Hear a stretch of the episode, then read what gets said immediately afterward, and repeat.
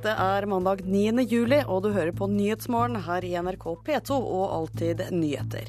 Navnet mitt er Elin Pettersen, og i løpet av morgenen skal det handle mer om mistanken om kampfiksing i norsk fotball. Vi skal også en tur på museum, hvor de tar i bruk nye hjelpemidler for å trekke publikum. Men først til den fastlåste situasjonen i oljesektoren, og det er arbeidsgiverne som har hovedansvaret for den. Det sier LO-leder Roar Flåten, som ber regjeringa være forsiktig med å bruke tvungen lønnsnemnd. Fra midnatt kan all olje- og gassproduksjon i Nordsjøen bli stansa pga. konflikten mellom Oljeindustriens landsforening og de ansatte i oljeselskapene. Foreløpig pumpes det olje og gass i Nordsjøen som her på Sleipner. Men fra midnatt vil produksjonen etter hvert stanse helt når lockouten trer i kraft. Det betyr milliarder i tapte inntekter. De siste ukene har fagforeningene og arbeidsgiverne gang på gang forsøkt å bli enige i det omstridte pensjonsspørsmålet. Inntil de ga opp i går morges etter å ha blitt beordret tilbake til forhandlingsbordet av arbeidsminister Hanne Bjurstrøm. I løpet av de nærmeste timene kommer det til å bli lagt et betydelig press på regjeringen for at den skal bruke tvungen lønnsnemnd og dermed hindre full stans i virksomheten på sokkelen. Men eh, Roar Flåten ber regjeringen være forsiktig med å benytte seg av tvungen lønnsnemnd i denne saken. Og Mitt signal til regjeringen er at vi må være veldig varsomme med bruk av lønnsnemnd også i denne situasjonen. LO-lederen mener arbeidsgiverne langt på vei kan takke seg selv for at konflikten er fastlåst, og at de ikke kan vente at regjeringen skal rydde opp for dem. Når eh, arbeidsgiverne har varsla lockout, så må de også ha tenkt gjennom konsekvensene av det, og kan vel ikke ha forutsatt at det er regjeringa som skal rydde av bordet for dem. Også nestlederen i Stortingets næringskomité, Svein Flåtten fra Høyre, mener at det først og fremst er opp til partene å finne en løsning. Nei, Arbeidskonflikter er jo først og fremst et ansvar for eh, partene i, eh, i forhandlingen. Så er det først og fremst de som har ansvaret for å, for å føre dette frem til en løsning. Men når det er sagt, så har jeg også den tillit til eh, regjeringen i, i så vidt eh, alvorlige konflikter som dette, at de følger eh, utviklingen svært nøye og eventuelt gjør de tiltakene som måtte være nødvendig hvis, hvis de ser det. Stanser virksomheten i Nordsjøen, blir det dyrt for oljeselskapene og fører også til en utsettelse i statens inntekter. Men den alvorligste virkningen er kanskje at konflikten også stopper de omfattende leveransene av norsk gass til Europa. Pga. sommeren og store lagre blir ikke virkningene så dramatiske de første dagene, men varer konflikten kan det skade Norge, sier professor Øystein Noreng. Det er Norges rykte som solid og stabil leverandør av gass, det vil lide. Og det er det, er det farlige, mener jeg. Reporter i innslaget her var Per Arne Bjerke, og det blir debatt om eh, situasjonen her i Nyhetsmorgen ca. klokka kvart på åtte. Kulturminister Anniken Huitfeldt lanserer en internasjonal handlingsplan mot kampfiksing. I går ble det kjent at førstedivisjonskampen mellom Ull Kisa og HamKam ble utsatt pga. mistanke om kampfiksing. Og da ble kulturministeren skuffa. Det er utrolig trist for idretten dersom dette har skjedd. Da er det ikke en spennende konkurranse lenger, da er det bare et dårlig teater. Kulturministeren ble skuffa, men ikke sjokkert da det for første gang ble lansert mistanke om kampfiksing i norsk fotball i går. Kampen mellom Ullkisa og HamKam ble utsatt fordi en Ullkisa-spiller skal ha sett penger på egen kamp. Vi har vært forberedt på at dette kunne oppstå i Norge. Men det er selvfølgelig veldig alvorlig når det kommer konkrete mistanker, og det er veldig ødeleggende. For at norsk fotball ikke skal reduseres til dårlig teater der resultatet blir manipulert, lanserer regjeringa en handlingsplan mot kampfiksing. Men norsk idrett skal ikke ta opp kampen alene. Derfor så trenger vi mer internasjonalt samarbeid, en egen europeisk konvensjon, men også samarbeid mellom politi i ulike land. Og så trenger vi et strengt spillmarked, slik at det også blir gode rutiner når man ser at det er enkelte kamper det kanskje satses mye på. Ifølge kulturministeren var det bare et spørsmål om tid før dette skjedde i Norge. Vi vet ikke om dette har foregått i større grad enn det som nå har vært avdekket. Da sa kulturminister Anniken Huitfeldt. Reporter her var Susanne Egseth. Og president i Norges Fotballforbund, Yngve Hallén, god morgen. God morgen. Hvordan har du sovet i natt? Nei, jeg må si at eh, det var jobbing utover natta pga. det som vi avdekka i går. Og selvfølgelig så er det trist når sånt skjer. Det er veldig trist at dette også rammer oss. Kulturministeren foreslår her en internasjonal handlingsplan mot kampfiksing. Hva syns du om det? Nå er det veldig tett samarbeid mellom fotballorganisasjonen Uefa, vår internasjonale organisasjon i Europa, og og Interpol og EU om dette her, sånn at dette har vært noe som har vært på dagsorden lenge. Eh, vi har også samarbeida godt eh, internt i Norge, sånn at vi var Når kulturministeren sier hun ikke eh, hun er skuffa, men hun er ikke sjokkert, så er det pga. at vi har samtale om dette her. Sjøl har hennes departement deltatt på et ministerråd i mars i EU knytta til dette her, sånn at vi har vært forberedt på at dette også kan ramme oss. Så, eh, men at vi nå styrker samarbeidet enda mer, det er jo også et eh, signal på at dette her er ikke bare et idrettslig problem, men dette er et eh, samfunnsproblem. Først og fremst er vi fra fotballens side opptatt av å ta de aktørene som er innenfor fotballen, innenfor idretten, som blir kjøpt opp men de kriminelle nettverkene som ligger bak, det er jo myndighetene og lovgivningen der og politiets oppgave å rydde opp i. Ja, for dere har forebygga, sier du, men har dere, men dere har jo ikke altså Det tyder jo på at dere ikke har klart å forhindre det. Har dere jobba godt nok med dette? Vi kan helt sikkert jobbe mye bedre. og det er klart at Når det kommer sånne saker som dette her, så vil vi gå gjennom har vi vært flinke nok der. Eh, så er det slik at når, når, det er lettkjente penger for enkelte aktører, så går de inn i dette her. Det har med skatteunndragelse, det har med alle ting i samfunnet der vi ser at eh, folk går etter lettkjente penger og prøver å lure unna penger. Ja, Handler det, det ikke også litt om holdninger, dette her? Det handler veldig mye om holdninger. Det gjør det også med skatteunndragelse. Så, så, det å jobbe med dette, sette eh, søkelys på det, det å handle raskt når vi får det opp i fanget, sånn som vi fikk i helga, det er viktig også for det preventive. Og så må vi jobbe tydelig inn mot klubbene, inn mot spillerne. Klubbene har vært veldig flinke i denne saken her og jobber inn mot spillerne. og på, på, holdningsmessig grunnlag.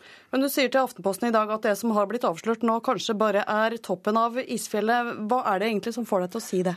Ja, Det er jo også etter vi hadde pressekonferansen i går og dette blir kjent, så tikka jo det inn nye tips til oss. Da er jo det, Tips har jo tikka inn til oss eh, også på, denne, på, dette området før, eh, som har eh, vært mer eller mindre verifiserbart. Eh, men vi ser jo det at det er andre som nå begynner å tenke seg om hva det er resultatet. Det lyste en gul lampe, men vi sa ingenting. Men nå kanskje vi skal melde ifra om det. Så, så det er det som er grunnen til eh, det. Takk for at du kom til Nyhetsmorgen, fotballpresident eh, Yngve Hallén. Helsesøstre er bekymra over foreldre som vil at barna deres skal spise lavkarbomat. Helsemyndighetene mener foreldre eksperimenterer med helsa til barna hvis det gir dem et ekstremt lavkarbokosthold. Men foreldre som kutter brød og poteter, mener kjøtt og smør er bra for barn.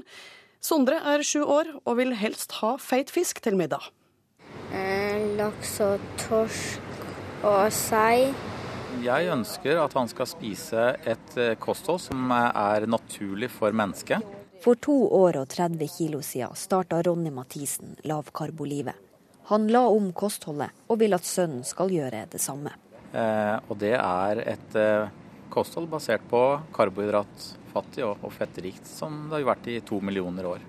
Leder for helsesøstrene i Sykepleierforbundet, Astrid Grydland Ersvik, sier stadig flere foreldre gjør som Mathisen og gir lavkarbo til ungene sine. Altså, lavkarbo er jo den store dietten som, som, veldig mange voksne prøver seg på, og som man nå delvis innfører for hele familien. Og Vårt råd er jo tydelig. altså Lavkarbodiett er ingenting for barn. Barn er i vekst og utvikling, og da trenger de òg eh, karbohydrater. Hennes største bekymring er at barna ikke får i seg nok næring. At de rett og slett får, eh, får i seg for lite og feil sammensatt eh, næring. En del av dem gjør det. og og det er jo ikke alle som går over på lavkarbo som setter seg tilstrekkelig inn i teorien bak det, og har ikke den kunnskapen som skal til heller for å bygge opp en diett riktig nok. Ronny Mathisen mener alt sukkeret barn får i seg i dag, er mye farligere enn å spise fettrik mat. Jeg kan starte dagen for, for gutten min med en grovere brødskive, eh, ristet med et tjukt lag smør.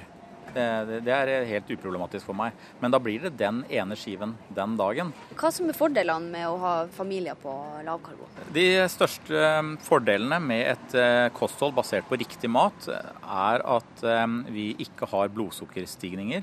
Så, så har vi jevn og fin energi. Og vi tenker ikke på mat, vi tenker ikke på søtsaker og, og godterier. Vi, så vi bare vi har energi, og dagen går lekende lett, for å si det sånn. Lavkarboforeldre som kutter ut boller og brus, gjør noe rett, sier professor og overlege ved Folkehelsa Håkon Meyer. Likevel fraråder han at barn spiser streng lavkarbo. Vi vil svært gjerne at kostholdet inneholder grove kornprodukter og mye frukt og grønnsaker. For et ekstremt høyfett og lavkarbokosthold er et eksperiment, mener Meyer. Våre kosthold de er, er gitt for å forebygge kronisk sykdom. og Da snakker vi om diabetes, hjerte-karsykdom og kreft bl.a. Dette er jo typisk sykdom som kommer i middelaldrende og hos eldre, så det er jo langt framfor barna. Slik at det, det behøver ikke skje så mye umiddelbart, men kostholdet hos barn legger grunnlaget for kosthold i voksen alder. Og det er klart også prosesser i kroppen kan starte allerede på et tids, tidlig tidspunkt, selv om sykdommen kommer mange år etterpå. Ja, reporter her var Kristine Svendsen. Og kostholdsrådgiver Siv Hauge, vi hører her at helsepersonell og myndigheter er bekymra for foreldre som gir barna en streng lavkarbodiett. En ting er at voksne lever på bacon og ribbefett i et forsøk på å holde kiloene borte, men eh, hvor ansvarlig er det egentlig å utsette barna for det? Altså Først så syns jeg vi skal definere hva lavkarbo altså egentlig er. Og lavkarbo dreier seg ikke om bacon eller baconfett. Altså Det dreier seg om å spise hel, ren og naturlig mat. Eh, og så pleier jeg å dele lavkarbo inn i, inn i tre. Altså du har karboredusert, du har moderat lavkarbo, og du har strikt lavkarbo. Strikt lavkarbo er for diabetespasienter eh, eller eh, ekstremt overvektige, eller for de som av ulike grunner ikke kan håndtere sukker. Eh, moderat lavkarbo er for altså, hvis man vil gå litt ned i vekt, altså vi trenger å redusere litt mer på, på karbohydratene. Og eh, karboredusert er kanskje der barn bør ligge. Altså Hvis vi snakker om eh, friske, raske barn, eh, karboredusert blir det når man kutter ut ferdigmat. Eh, altså raffinert eh, mat, sukker, hvitt mel. Eh, spiser mye mer grønnsaker enn en, en frukt. Så det er viktig å definere hva vi egentlig snakker om, da. Men hvorfor skal barna egentlig på diett? Er det bare for at de skal holde vekta? Altså, Det er ikke snakk om en diett. Altså, jeg jobber jo med dette til daglig, og jeg kommer jo hjem eh, til familier og ser hva de har i kjøleskapet sitt. Og det er utrolig mange barn som får eh, altfor mye sukker. Ikke bare i form av rent sukker, men eh, i, gjennom ferdigmat. Coco honningkorn. Altså veldig mange skjulte kilder til, til, til, sukker. Og det er ikke snakk om en diett, det er snakk om en livsstil som, eh, altså, som, består av hel, ren og naturlig mat. Og det er jo det barna våre skal ha. Men eh, hvis de er, har fått beskjed hjemmefra om at eh, du skal ikke spise så mye hvitt, med, altså hvitt brød og sånne ting, altså så kommer de i bursdagsselskap og blir tilbudt boller, hva skal de gjøre? Altså, det høres ja, litt komplisert ut. Ja, og det er veldig viktig. Mat har også mye med følelser å gjøre. Kultur. altså Det er mange hensyn å ta når, når, vi skal spise mat. og Det viktigste er jo hva man får hjemme, hva slags verdier eh, foreldrene gir. Eh, og så er det viktig å ikke bli for ekstrem. Altså Budskapet er jo at man skal eh, dra ned på sukker og, og, raffinert mat. Og hva man får i en bursdag innimellom, det er ikke det som, som teller. Men det er ikke bare bursdag eh, og, og, lørdager lenger. Det er så utrolig mye mer, og det er så mye skjult sukker i maten som barna får hele tiden. Og vi har jo en fedmeepidemi på gang. Altså, det er eh, et stort problem at barna våre blir fetere og fetere. Å legge om til eh, et lavkarbokosthold er gunstig for barna våre. Alt med måte, kan vi konkludere med det? Ja, vi kan konkludere med det. Takk skal du ha for at du kom i studio. Du hører på Nyhetsmorgen i NRK P2 og Alltid nyheter. Klokka er 7.18, og det her er hovedsaker i nyhetene i dag. LO-lederen advarer regjeringa mot å bruke tvungen lønnsnemnd for å få slutt på streiken i oljesektoren. Fra midnatt kan all olje- og gassproduksjon stoppe.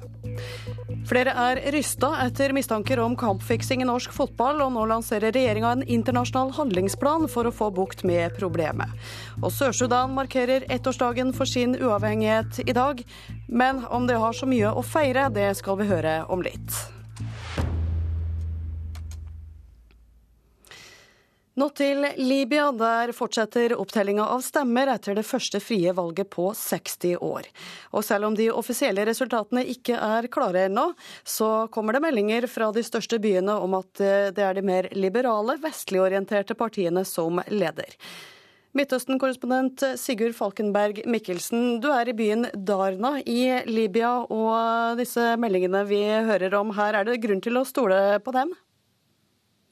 Altså, det virker ganske sannsynlig at det er i den retningen det går. Det er de signalene som kommer fra de fleste hold, eh, også fra Mahmoud Jibrils motstandere. Jibril er jo tidligere statsminister og leder for denne koalisjonen. Eh, men det er et eh, stort men her, og det er at denne forsamlingen som nå skal velges, på 200 representanter, er bare 80 av de kommer fra partier, mens 120 er enkeltkandidater. Og hvordan alle disse enkeltkandidatene lander, det er det ingen som har sagt noe om ennå. Ja, denne Mahmoud Jabril som du nevner eh, som leder alliansen som kan komme til å vinne valget, han oppfordrer likevel de andre partiene til å være med i ei samlingsregjering. og Hvorfor gjør han det?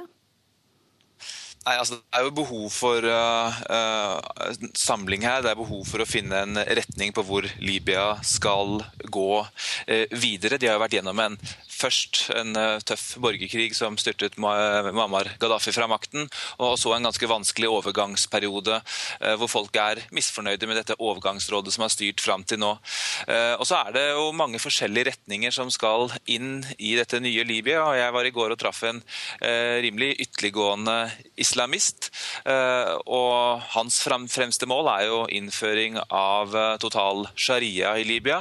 Eh, og han hadde snakket flere ganger med Jibril på telefon i løpet av dagen. Så det nok, blir nok en vanskelig politisk balansegang framover. Jibrils allianse er jo da litt på den andre siden og tar til orde for en sivil og demokratisk stat, men inspirert av sharia. Det er viktige nyanseforskjeller som er med på å definere de forskjellige retningene i libysk politikk. Ja, Du har jo fulgt dette valget fra Libya, Sigurd Falkenberg Mikkelsen. Hva sier de andre du snakker med om gjennomføringa av valget? Så folk øh, tror jeg trekker et eh, stort eh, lettelsens eh, sukk. Først og fremst fordi gjennomføringen har gått rimelig bra. Det har ikke vært noen store og alvorlige hendelser. Det var det mange som fryktet her. Det har vært noe uro her i øst hvor jeg befinner meg. Noen valglokaler som har blitt ødelagt, og særlig i Ashtabia, en mindre by her i øst, har det vært uroligheter hvor ett menneske ble drept. Men det har ikke vært noen virkelig store hendelser, og det er folk glade for. Og jeg tror nok det viktigste for folk var faktisk å stemme og gjennomføre valget, og eh, sekundært eh, akkurat hvem de stemte på. Eh, men nå begynner da den vanskelige politiske prosessen, den dagen derpå. og den, den, tror jeg kan bli mer komplisert også fordi det kommer til å bli vanskelig å finne politiske levedyktige allianser i denne nye, nye forsamlingen, med mindre da Jibril klarer å samle folk rundt seg. Takk til deg, Midtøsten-korrespondent Sigurd Falkenberg Mikkelsen. Vi skal holde oss på samme kontinent, for i dag markerer Sør-Sudan ettårsdagen for landets uavhengighet. Samtidig er landet prega av økonomisk krise og en konflikt med nabolandet Sudan. Men det meldes nå om fremgang i fredsforhandlingene mellom de to statene. Det sier korrespondent Lars Sigurd Sunnanå, som er i Sør-Sudans hovedstad Juba. Ja, Den går på at eh, vel begge land, både Sudan og Sør-Sudan, nå er så på bunken økonomisk at eh, de er nødt til å komme frem til en enighet som gjør at oljeproduksjonen gjenopptas i Øst-Sudan, og at Sudan får inntekter fra fraktingen av denne oljen i rørledningssystemet som går gjennom landet frem til utskiftningshavnene og Rødehavnene på Sudan. Sånn at her lærer nød naken kvinne å spinne. Og det er nok hovedgrunnen til at det nå er fremgang i forhandlingene i Addis Abeba i Etiopia. Men uh, likevel, er det ikke så veldig mye å juble for på Sør-Sudans ettårsdag, eller? Nei, det, landet står jo overfor ufattelig store oppgaver når det gjelder gjenoppbygging og få etablert en stat som fungerer. Og det har jo ikke gjort situasjonen lettere for Sør-Sudan at det er kommet nå 400 000 sørsudanere fra Sudan som skal da omplasseres og få eh, steder å bo og arbeide osv. Og, og svært mange av disse flyktningene, eller de som har vendt tilbake da fra uh, Sudan, bor jo nå i forskjellige leirer og lever fra dag til dag på hjelp som kommer fra det internasjonale humanitære samfunnet. Ja, hva blir de største utfordringene for myndighetene i Sør-Sudan framover nå, Lars Sigurd? Det blir jo å bygge landet opp fra nesten ingenting. Det fins ikke skikkelige veier, ikke skikkelige skoler. Universitetet her i Juba har vært stengt i tre måneder osv. Så, videre, og så, så Så det er et desperat pengebehov som må løses. Og da må det finnes en freds- og forhandlingsløsning med Sudan, slik at oljen kan begynne å strømme fra oljefeltene i Sør-Sudan igjen. Da har tida kommet for å ta en kikk på noen av dagens avisforsider. Og kampfiksingsskandalen i norsk fotball preger forsida på Dagbladet. Avisa skriver at en gamblingmafia i Stockholm kan stå bak den påståtte kampfiksinga. Ull Kisa-spilleren som er mistenkt, stiller seg uforstående til beskyldningene. Også konkurrenten VG lar fotballskandalen prege forsida si i dag. Gamblingmafia skal ha fiksa norske kamper, skriver avisa. Åtte av ti skoler bryter loven, er overskrifta som preger forsida på Aftenposten i dag. En tilsynsrunde Arbeidstilsynet gjorde i fjor, viste at 80% av skolene ikke kunne dokumentere at de hadde et forsvarlig inneklima. Det kan gjøre elevene syke. Mer fornøyde barn på forsida av Dagsavisen, som skriver sommerskolene i Oslo, som har hatt en dobling i antall elever på tre år. 13 000 Oslo-barn tilbringer ei eller flere uker på sommerskole i år. Klassekampen er opptatt av den pågående streiken i oljesektoren. Avisa skriver at streikegeneralene mener oljeselskapene og regjeringa har for tett kontakt. Lockouten som er varsla fra midnatt kan føre til full stans i produksjonen på norsk sokkel. Arnstad-effekten er ikke stor for Senterpartiet, slår Nasjonen fast. I midten av juni gjorde Marit Arnstad comeback i rikspolitikken. Men Senterpartiet går likevel bare litt fram på partibarometeret for juli. Vårt Land skriver om regjeringa som har bevilga 500 000 kroner til kirkelige minnemarkeringer etter 22.07-terroren, mens Samarbeidsrådet for tros- og livssynssamfunn ikke har fått ei krone for å arrangere noen seremoni. Ta ferie fra teknologien er overskrifta som dominerer forsida på Adresseavisen. En professor ved NTNU mener vi kan bli slitne, utbrent og søvnløse hvis vi skal være tilgjengelige på e-post og sosiale medier hele tida. Og Lasse Kjus har gjort gode penger på navnet sitt. Den tidligere alpinisten er avbilda på forsida av Dagens Næringsliv, som skriver at han fikk 56 millioner kroner da han solgte varemerket Kjus. Nå skal vi på museum, for norske museer tar i bruk flere digitale hjelpemidler for å tilby publikum bedre informasjon om gjenstandene som er utstilt. På Teknisk museum i Oslo er det nå en jukebox-utstilling, hvor skiltene er utstyrt med firkanta koder, såkalte QR-koder. Åtte år gamle Ola fra Elverum fikk skanne kodene for aller første gang. Um, er det bare å sikte inn hva skjedde nå? Nå kommer det opp en video. Jukeboksen spiller en plate. Er det Lollipop? Har du hørt den sangen før? Ja. Det er ikke den beste sangen. I disse dager er det en jukebox-utstilling ved Teknisk museum i hovedstaden, hvor skiltene er pyntet med QR-koder.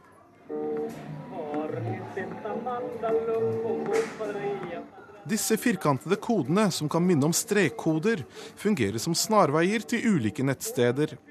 Det eneste du trenger, er en QR-applikasjon på din smarttelefon, som vil da lese denne type kode. Etter at smarttelefonen har skannet koden, så vil et vindu med informasjon eller et videoklipp automatisk åpne seg. Og konservator Dag Andreassen ved Teknisk museum sier at dette bare er begynnelsen. Det som er nytt, er jo at publikum nå har med seg utstyr som de kan spille av video på, og det hadde de jo ikke for bare noen få år siden. Så vi er vel i en fase nå hvor vi prøver ut om dette er noe som publikum ønsker å bruke. Så slutter vi jo ikke å gjøre det som vi alltid gjør med å ha informasjon på tekst og på film og gjennom skjermer og skilt rundt gjenstandene våre. Men hvis dette kan gi en ekstra dimensjon, så syns vi at det er verdt å prøve. Så her er jo vi opptatt av eh, museenes eh, rolle i kulturminnevernet, da. Museene i Norge har gjort store teknologiske fremskritt de siste årene, ved å bl.a. være mer synlig på sosiale medier. Og Norges museumsforbund sin generalsekretær, Trond Vigeland Nilsen, sier at QR-koder er en del av utviklingen til norske museer. Det er jo en eh, modernisering av formidlinga på museene. Og jeg vil også nevne at eh, over 100 museer har jo lagt ut over 1 million gjenstander på nettet. Så det er jo også en del av arbeidet med å synliggjøre hva faktisk museene har i samlingene sine. Åtte år gamle Ola likte godt å skanne QR-koder. Men han foretrekker heller isen Lollipop fremfor sangen. Det handler om lollipop. Lollipop er en god is, da. Liker du ikke lollipop-isen? Jo. du holder deg til isen, men ikke sangen? Ja. Og reporter på museum var Fouad Asharki. Nyhetsmorgen fortsetter nå med Dagsnytt. Kollega Ida Creed står klar for å gi deg siste nytt. Og om et kvarters tid så møtes partene i oljestreiken til debatt. Og vi skal også til Gotland i Sverige, hvor den store politikeruka ble avslutta i helga.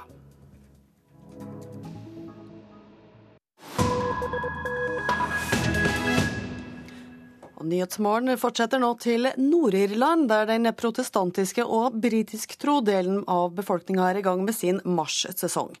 For en drøy uke siden ble det skrevet historie da den britiske dronninga trykka hånda til den tidligere IRA-kommandøren Martin McGuinness i Belfast.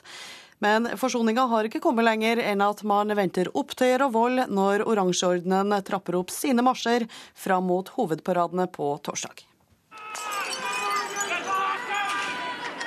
Slik gikk det 12. juli i fjor. Flasker og steiner fløy gjennom lufta i bydelen Ardoyne i Belfast. Flere titalls politifolk ble skadet. Vannkanoner og gummikuler måtte til for å løye opptøyene. Protestantenes marsjsesong er allerede godt i gang i Nord-Irland, også i år. There's one on Friday night in Sandy Row, then Shankill on Saturday, and then East Belfast on Monday night, and then up at parades all week up until the 12th of July. George Hunter har travle dager. Han er medlem av Oransjeordenen og skal marsjere gjennom flere av Belfasts gater i løpet av uka. Fram mot den store festen den 12. juli. I've been coming here for I was a boy, three and four times a year. Why is that? The bands on the 12th of July, all the, all the orange marches. Han er opprinnelig fra Skottland, men helt siden han var guttunge har han kommet hit for å feire slaget ved Boyne i 1690. Det var da den protestantiske kong William vant over katolske kong James. Nå har George Hunter gjort nordire av seg, og har rekruttert de to sønnene Mason og Gary på tre og fire år inn i oransjeordenen. And get the boys into the orange order, into the juveniles as well. You walk with a band, won't you? No, at the front with a stick, throwing the stick up. Can you show me what you do with the stick in the parades? He was my bring his William. De kommende tamburmajorgutta fikler med et flagg, men får det ikke til å se like imponerende ut som de kraftige, tatoverte karene som kaster stokken milevidt opp i lufta og tar utallige flikkflakker før de feilfritt tar imot i den voksne oransje paraden gjennom Belfast. Hvert år insisterer protestantene på å gjennomføre paradene, også gjennom katolske områder. Og det provoserer til bråk hvert år. Men et historisk øyeblikk skiller i år fra i fjor. As this moment of history beckons, it does take your breath away a little bit if you've lived in this place when you've seen Martin McGuinness over the years, as I have, in various different guises. I obviously understood the historical uh. Martin McGuinness forsto det historiske i det at han håndhilste på den britiske dronningen. Han som i en årrekke bar våpen og var en av lederne i den irske republikanske hæren, IRA. Den som kjempet imot britenes tilstedeværelse og den britiske unionen.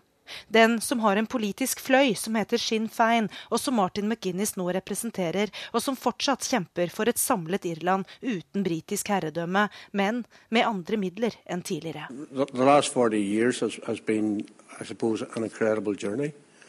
There's nothing romantic about it, there's nothing glorious about it, and there's absolutely nothing glorious about war. Det er ikke noe glamorøst med krig, sier en som bør vite.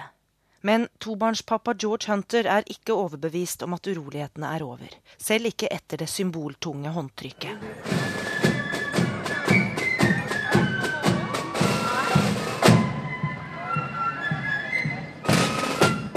Ja, det var korrespondent Gry Blekastad Almås som hadde vært i Belfast i Nord-Irland. Du hører på Nyhetsmorgen i NRK P2 og Alltid nyheter. Klokka er 7.44, og det her er hovedsaker i nyhetene i dag. Regjeringa lanserer internasjonal handlingsplan mot kampfiksing i fotball. Førstedivisjonskamp utsatt i går etter mistanke om avtalt spill. Helsesøstre er bekymra over foreldre som setter barn på lavkarbodiett. Og litt senere skal vi også høre om homofile innvandrere som frykter for sine liv fordi familiene ikke godtar legninga deres. Som vi har hørt i nyhetene i dag, så kan det altså bli full stans i olje- og gassproduksjonen i Nordsjøen fra midnatt pga. konflikten mellom Oljeindustriens Landsforening og de ansatte i oljeselskapene. Oljearbeiderne har streika i et par uker, og arbeidsgiverne har varsla lockout fra midnatt. Partene møttes til nye forhandlinger i helga, men de førte ikke fram. Og leder for arbeidstakerorganisasjonen Safe, Hilde Marit Ryst, du mener arbeidsgiverne i OLF ikke kan gjemme seg bak arbeidsminister Hanne Bjurstrøm eh, og raslinga med tvungen lønnsnemnd. Hva mener du med det?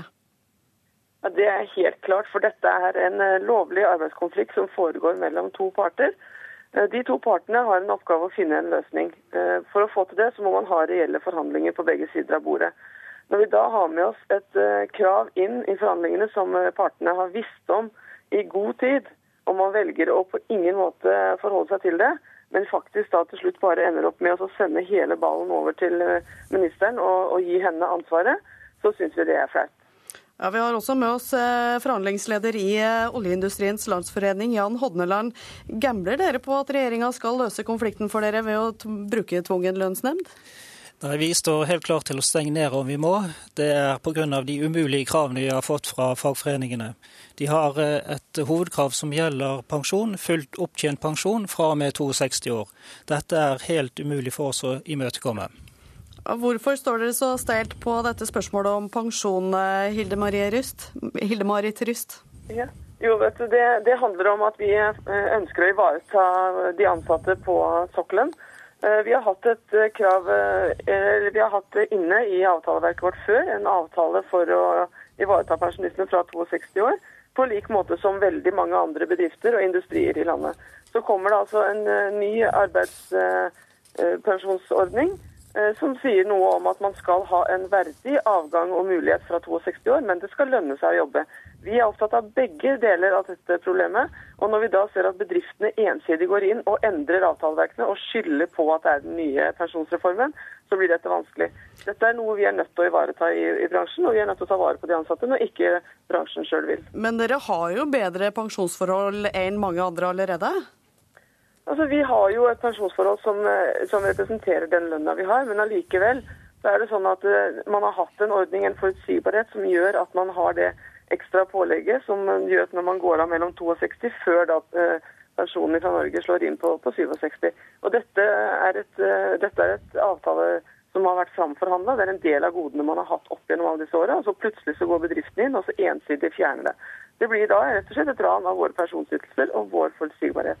Et ran av våre personalytelser, sier eh, Safe eh, Jan Hodneland i Oljeindustriens eh, landsforening. Er det ikke såpass god lønnsomhet i oljeindustrien om dagen at dere kan ha hatt råd til å innfri dette kravet?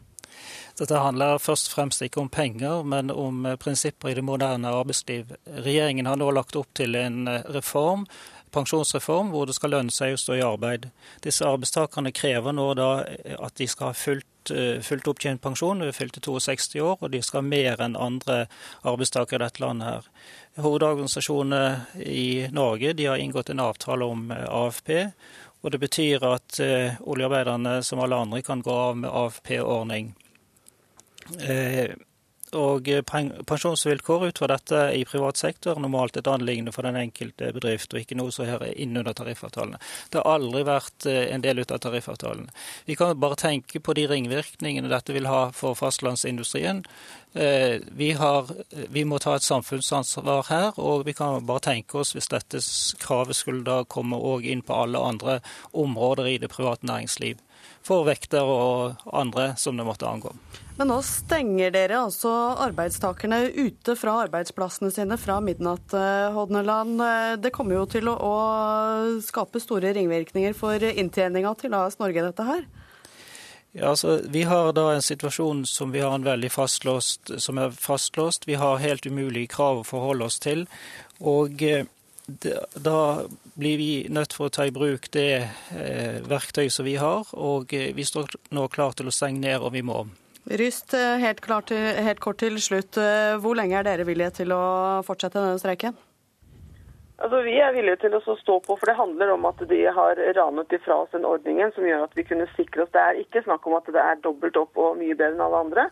Det, så, så vi, er, vi er eh, klar til å stå det vi må ut, og vi forventer fortsatt at Hanne Bjurstrøm og myndighetene holder si, fingrene av fatet, fordi dette er en lovlig arbeidskonflikt. og OLF har sjøl valgt å ta det skrittet og si de skal stenge ned hele norsk sokkel.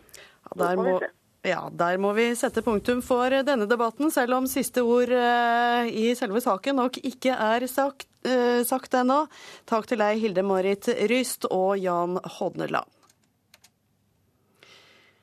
Vi skal videre til Sverige, der politikeruka på Gotland ble avslutta nå i helga.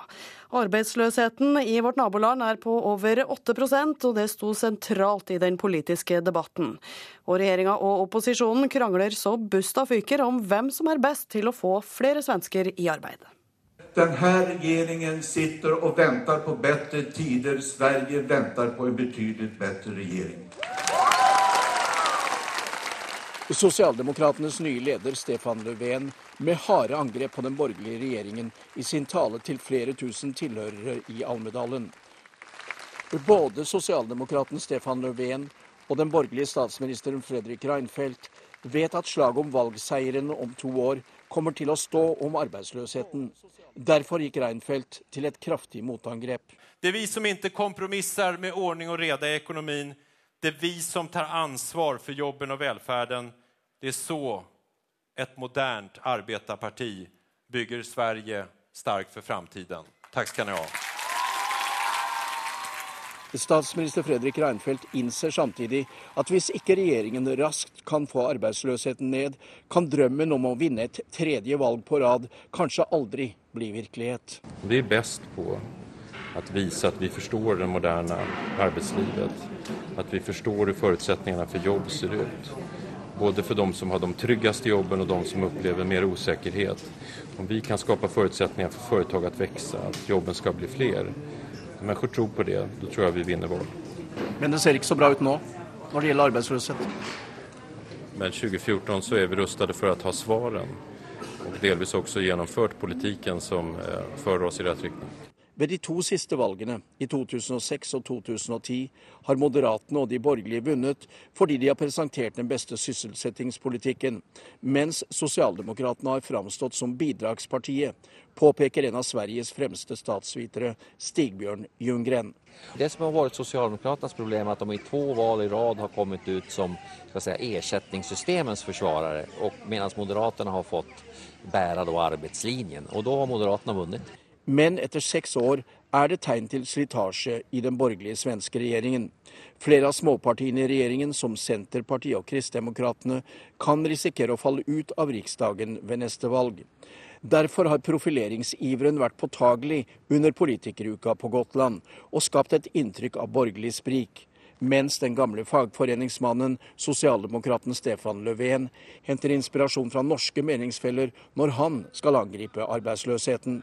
Jeg vet jo når jeg var IF Metalls ordförande i Sverige at uh, i mine kontakter med norsk fackföreningsrörelse, ikke minst Fellesforbundet, så fikk vi jo redovisat for oss at eh, norske regjeringen satsade betydelig mer på utbildning og aktive åtgärder under den svåre krisen, medan den svenske regjeringen satt i, i, med armene i kors. Så vi har definitivt att lære av Norge. Fredrik Reinfeldt kaller seg det moderne Arbeiderpartiet. Hva er du? ja, han, han måste først lære seg eh, hva det handler om, arbeidslivet. Han har sommeren 2012 opptäckte Fredrik Reinfeldt at vi har skiftarbete i Sverige. 1975 gikk jeg opp på mitt første skiftarbete. Eh, så att han får lære seg betydelig mer. Eh, Moderaterna har aldri vært et arbetarparti, kommer aldri å bli det. De gillar å anvende begreppet tydelig. Ja, det sa Sosialdemokratenes leder Stefan Löfven. Reporter på Gotland var Kjell Pilstrøm. Flere homofile innvandrere frykter for sine liv fordi familien og andre ikke godtar at de lever ut sin homofile legning. Det mener organisasjonen Skeiv verden, som er et flerkulturelt nettverk for homofile. Mange kommer fra konservative og religiøse kulturer. Vår reporter har møtt en irakisk mann som fikk beskjed fra mora si om at han skulle drepes hvis han ikke slutta å være homofil innen han fylte 28 år. Og derfor flykta han. Jeg har flyktet to ganger i mitt liv. En fra Irak og en gang fra min by i Norge. Arvid kom til Norge fra Irak som 18-åring. Da det ble kjent i den norske hjembyen at han var homofil, følte han seg etter hvert tvunget til å flytte. Det var sine egne han flyktet fra. Fordi vi kommer fra en liten by som har en liten gruppe av arabiske ting var ikke lett. Det er sånn at Jeg ble spytta midt i gata, spytta på midt i gata. Jeg ble kalt mann, dytta. Jeg fikk aldri, når jeg var ute med mine venner, fikk aldri fred. Nå lever han i Oslo, men frykter for eget liv. For beskjeden han fikk fra sin mor som 24-åring, var så klar som den kunne bli. Han måtte slutte å være homofil innen han ble 28 år gammel. Det er tre måneder til. Hun sa det rett ut på den måten. Du har innen du fyller 28 hvis ikke du er ferdig med rumpesexen din, det er ikke mer enn en kniv i magen din, og vi er ferdig med det. Husk, innen du fyller 28. Fordi da hadde jeg liksom deadline. Da er jeg for gammel til å gifte meg. Dessverre er det mange som har det som han, forteller Susanne Dumo Øvergård i Skeiv verden. Den er ikke enestående, hans historie. Vi, vi treffer vel sånn to til tre sånne historier i året, eh, vil jeg anslå her hos oss i Skeiv verden. Det meste av trakasseringen foregår i det skjulte og de færreste velger å anmelde forholdene. En av de som vi opplever som, som, den viktigste årsaken til at det ikke anmeldes, det er nettopp at de kommer fra kollektivistisk eh, familie. Og de er også redd for represalier, selvfølgelig, fra familien. De blir fortalt at hvis, hvis man gjør slike ting, så, så, blir ikke din søster eller din bror gift, eh, og det er skambelagt. Arvid har vært hos politiet og fått tilbud om krisehjem og voldsalarm men han føler ikke at noen av delene vil gi reell beskyttelse. Eh, jeg vil ikke gå til det krisesenteret. Jeg vil heller være i gata. Fordi jeg tenker ok, i gata kan det skje noe, men jeg kan bli beskytta. Jeg kan løpe, jeg kan gjemme meg, jeg kan rope på politi, jeg kan rope på leb. Folk kan samle seg. Samtidig som han har fått mange gode venner i hovedstaden, savner han familien sårt. Det de krever av ham, er at han skal gifte seg. En brud har de allerede klar. Mamma sa til meg ok, eh, den eneste måten på at du skal bli kurert på, er å gifte deg. Han har gjort alt han kunne for å bli av med homofilien. Gått til psykologer både i Norge og i den arabiske verden, og bedt til Gud om å omvende han. Men han er den han er. Likevel vurderer Arvid nå å gå med på foreldrenes planer for å få leve. Tror du, at, tror du at de faktisk kommer til å gjøre det? Jeg har egentlig et lite håp inni meg at om tre måneder så kommer mamma og sier vet du hva, glem det. Du er vår sønn men de kommer ikke til å gjøre det. Og reporter her var Sissel Kvalvik. Vi skal ta med oss et værvarsel som gjelder fram til midnatt. Langfjella, regnbyger og kan hende med torden. Fjellet i Sør-Norge unntatt Langfjella, perioder med regn og regnbyger. Østlandet og Telemark litt regn eller lokale regnbyger og utrygt for torden. I Agder meldes det om enkelte regnbyger og kan hende med torden. I kveld vestlig opp i liten kuling på kysten. Rogaland og Hordaland nord og nordvest frisk bris på kysten, liten kuling på kysten lengst nord. Fra i ettermiddag regnbyger i indre strøk og lokal morgentåke. Sogn og Fjordane nord og nordøst stiv kuling, fra i ettermiddag periodevis sterk kuling på kysten. Regnbyger, men også perioder med sol. Møre og Romsdal nordøst opp i liten kuling på kysten, stiv kuling lengst sør.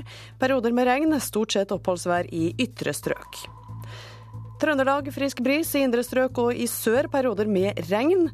Helgeland, Saltfjellet, Salten og Ofoten får på kysten i sør periodevis liten nordøstlig kuling og stort sett pent vær. Lofoten og Vesterålen nordøstlig opp i frisk bris, i kveld liten kuling lengst vest, til dels pent vær. Troms mulighet for enkelte regnbyger i nordlige strøk, ellers til dels pent vær. Finnmarksvidda nordlig bris og til dels pent vær. Kyst- og fjordstrøkene i Finnmark vestlig periodevis frisk bris. På kysten i nord til dels liten kuling, enkelte regnbyger og perioder med sol. Spitsbergen liten nordlig kuling utsatte steder. Sludd, sludd i nord, ellers stort sett oppholdsvær og litt sol. Nordensjøland på Spitsbergen får av og til nord, frisk nordlig bris utsatte steder, stort sett oppholdsvær og litt sol. Og når det gjelder temperaturutsiktene, så meldes det om stigende temperatur i Hordaland og Sogn og Fjordane. Ellers eh, stort sett uendra. Ansvarlig for nyhetene i dag Erlend Rønneberg, produsent Ane Gjørem, teknisk ansvarlig Espen Hansen. Her i studio Elin Pettersen.